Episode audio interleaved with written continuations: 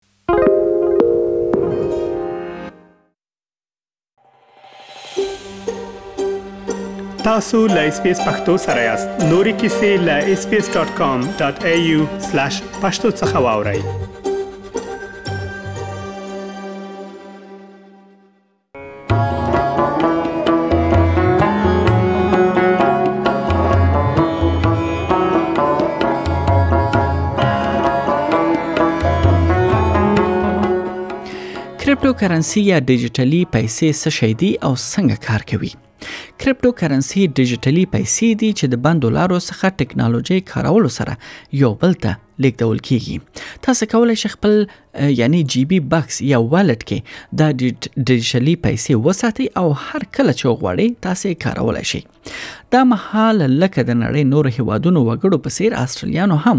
کریپټو کرنسي یا ډیجیټلي پیسو ته مخه کړې ده ولې یو څه چې باید ټول پرې خبر وي د یادو پیسو کاروبار یا کارول باید ډیر احتیاط سره تر سره شي ځکه دوکي او جالکاری هم په دې برخه کې ډیر تسرګو کیږي او ډیری خلک لوی خوبونو لیدو سره د دوکي ښکار کیږي او پیسې له لاس ورکوي په دې برخه کې تاسو یعنی یو رپورټ لرو چې لا ډیرو معلوماتو اوریدو ته مې ملتیا وکړئ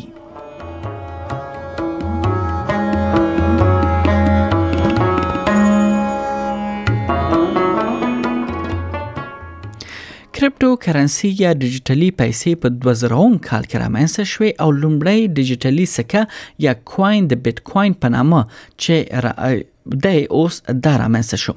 دا سه ادعا کیږي چې بیت کوین د ساتوشي ناکاماتو چې یا به دا شخص وي او یا کومه ډله کسان دا ډیجیټلی سکه جوړ کړ او مارکیټ ته وړاندې کړ تر اوسه دا معلومه نه ده چې د کریپټو کرنسي جوړونکي څوک دی ډیجیټل اسعارو د کریپټوګرافي مفهوم باندې کار کوي چیرې چې هر ټوکن یا کرنسي د کوډ لخوا رامنځته کیږي او د ډیټا په مرسته یو بل سره تړل شوی بلاکونو کې زیرمه شوی دی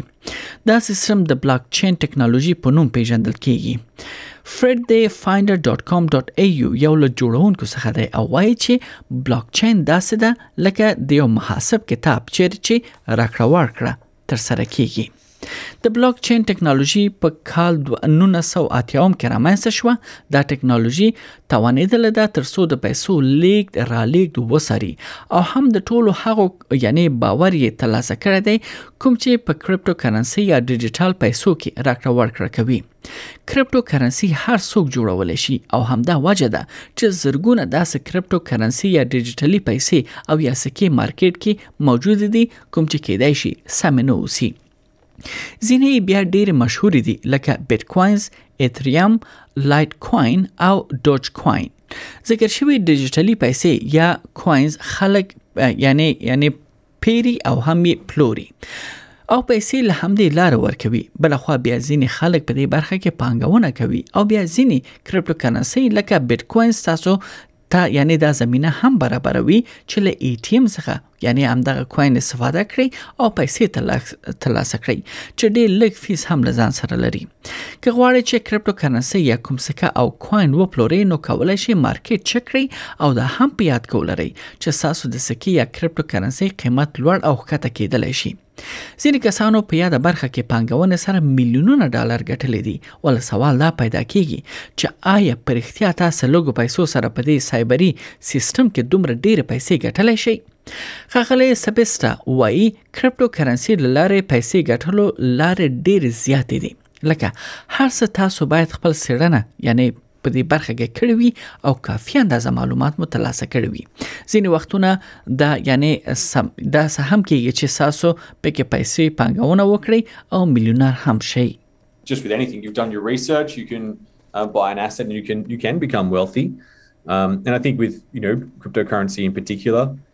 um, it's it's definitely uh, been shown that many people have you know bought cryptocurrency. If you bought it, say at the start of the year, you would you know you you, you put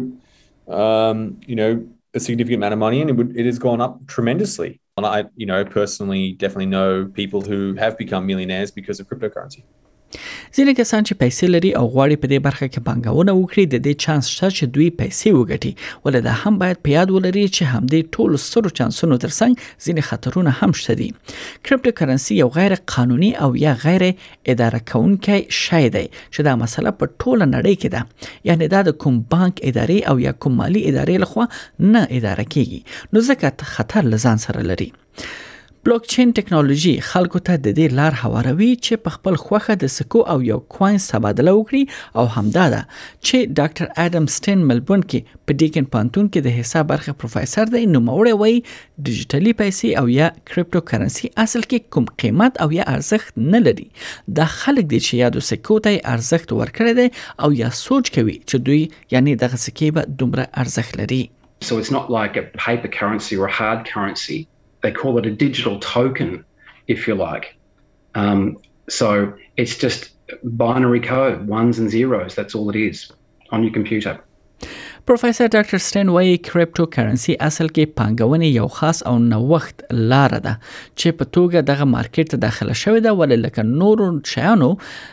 هم خلکو کې ډیر شهرت پیدا کړی دی د لپاره چې کرپټو کرنسي د کوم چا یا ادارې لخوا نه اداره کیږي هم دا وجه ده چې ډیر پنګوالي یعنی ډیر پنګوالي چې دی ډیر رقم د پیسو له لاسه دوی ورکړی دی ځکه په دې کې جالکاری هم ډیره ده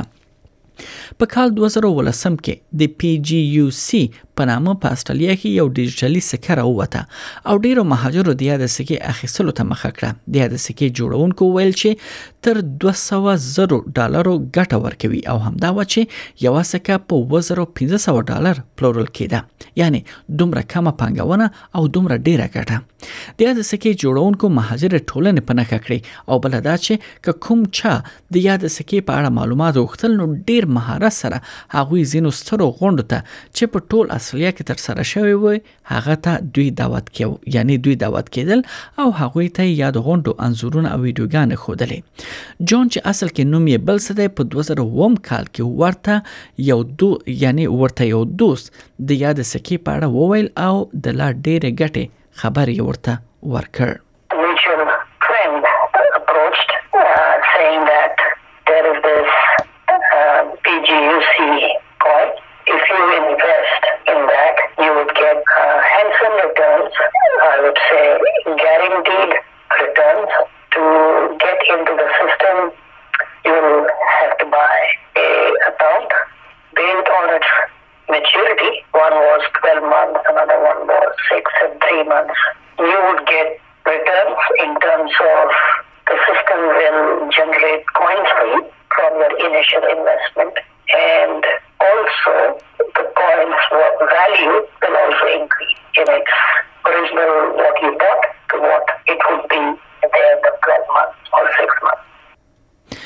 جان چې د یاد کس اصل نوم نه دی ورته د یاد کمپنۍ لخوا زنګ هم ووهل شو او نوموړی یې بېلابېلو لارو څخه وهڅو چې پانګونه وکړي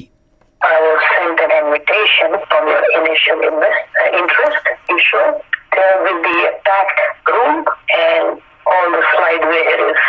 uh, shown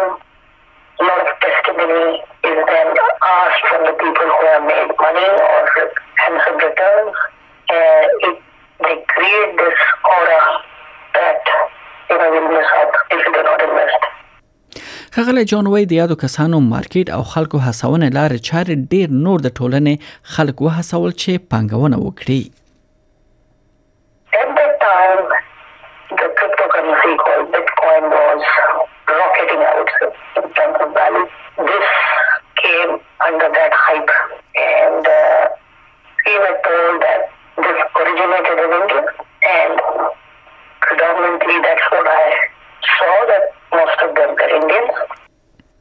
بیا په 2019 کال دسمبر کې د پی جی یو سی سکه قیمت ډیر ښکته شو او پنګوالو فکر کاوه چې دا یو دوکه و ډیری وختونو کې جالکاران هغه ټولنې او یا خلک په نخښه کوي کوم چې ډیر زیانمنون کوي او بیا د ژبې سونزه او خندونه په دې برخه کې سونزه لا ډیروي او د جالکاري خلک ښکار کیږي We've had many scams in Australia um, where you know someone will go to their members of their own particular ethnic community and say, look, give me some money, invest it. I'm going to put this in this investment. You're going to make millions of dollars and you're going to live really, really well. And then the next thing you know, that person has jumped on a plane and gone off somewhere else and to start a new life with a whole lot of money. په استرالیا کې یوازې فردي کسان نه بلکې لوی کمپنۍ هم د جالکاري ښکار شوې دي او ډېری پیسې له لاسه ورکړې دي سوال دا پیدا کیږي چې څنګه جالکاران معلوم کړئ ډاکټر سټین وایي دا غوره ده چې د ناغوښتل شوی برېښنا لیکونو څخه مخنیوي وکړي او ټلیفونونو او د پنګونې مشورې ته ځواب مو ورکوي چې غیر تصدیق شوی حتی که دوی د هغه چا څخه وي چې تاسو یې پیژنئ هم We have a government agency in Australia that is set up um, to provide information to, to consumers and to businesses um, to try and protect them from scams. And, and also, if you are a victim of, of some sort of scam, um, you need to actually report that to the relevant authorities to allow the government to be able to, to shut those avenues off and track those people down if they can. یو څو لارښوونې چې کولای شي تاسو ته د پانګې اچونې سم انتخاب کولو کې مرسته وکړي هغه به دا وي چې د هغو کسانو سره مشوره ترلاسه کول دي چې وړ او تجربه لري او پرته له دې چې تاسو د کومې ټولنې سره تړاو هم ولري په ټول استرالیا کې مالی مشاورین وکیلان او محاسبین کولای شي تاسو د تایید شوی مشورې یعنی وړاندیز وکړي او تاسو وړاندې کړي کچېرې پنګ اچونه ډیره ښه ښکاری چې رښتیا وي دا خورا احتمال لري خو که یو څوک تاسو د کریپټو کرنسي او یا اسارو په شکل کې د ډیره ګټه ژمنه کوي دا کېدای شي یو نه خوي چې دوی هڅه کوي تاسو په درغلي کې راولي په نهایت کې د خلکو په قیاسونو او افواهونو تکیه مکوي او د داسې خلکو مشورې اخیستلو څخه ډډه وکړئ چې واقعا متخصص دوی نه دي د لازیاتو معلوماتو لپاره له www.moneysmart.gov.au ویب پاڼې څخه لیدنه وکړئ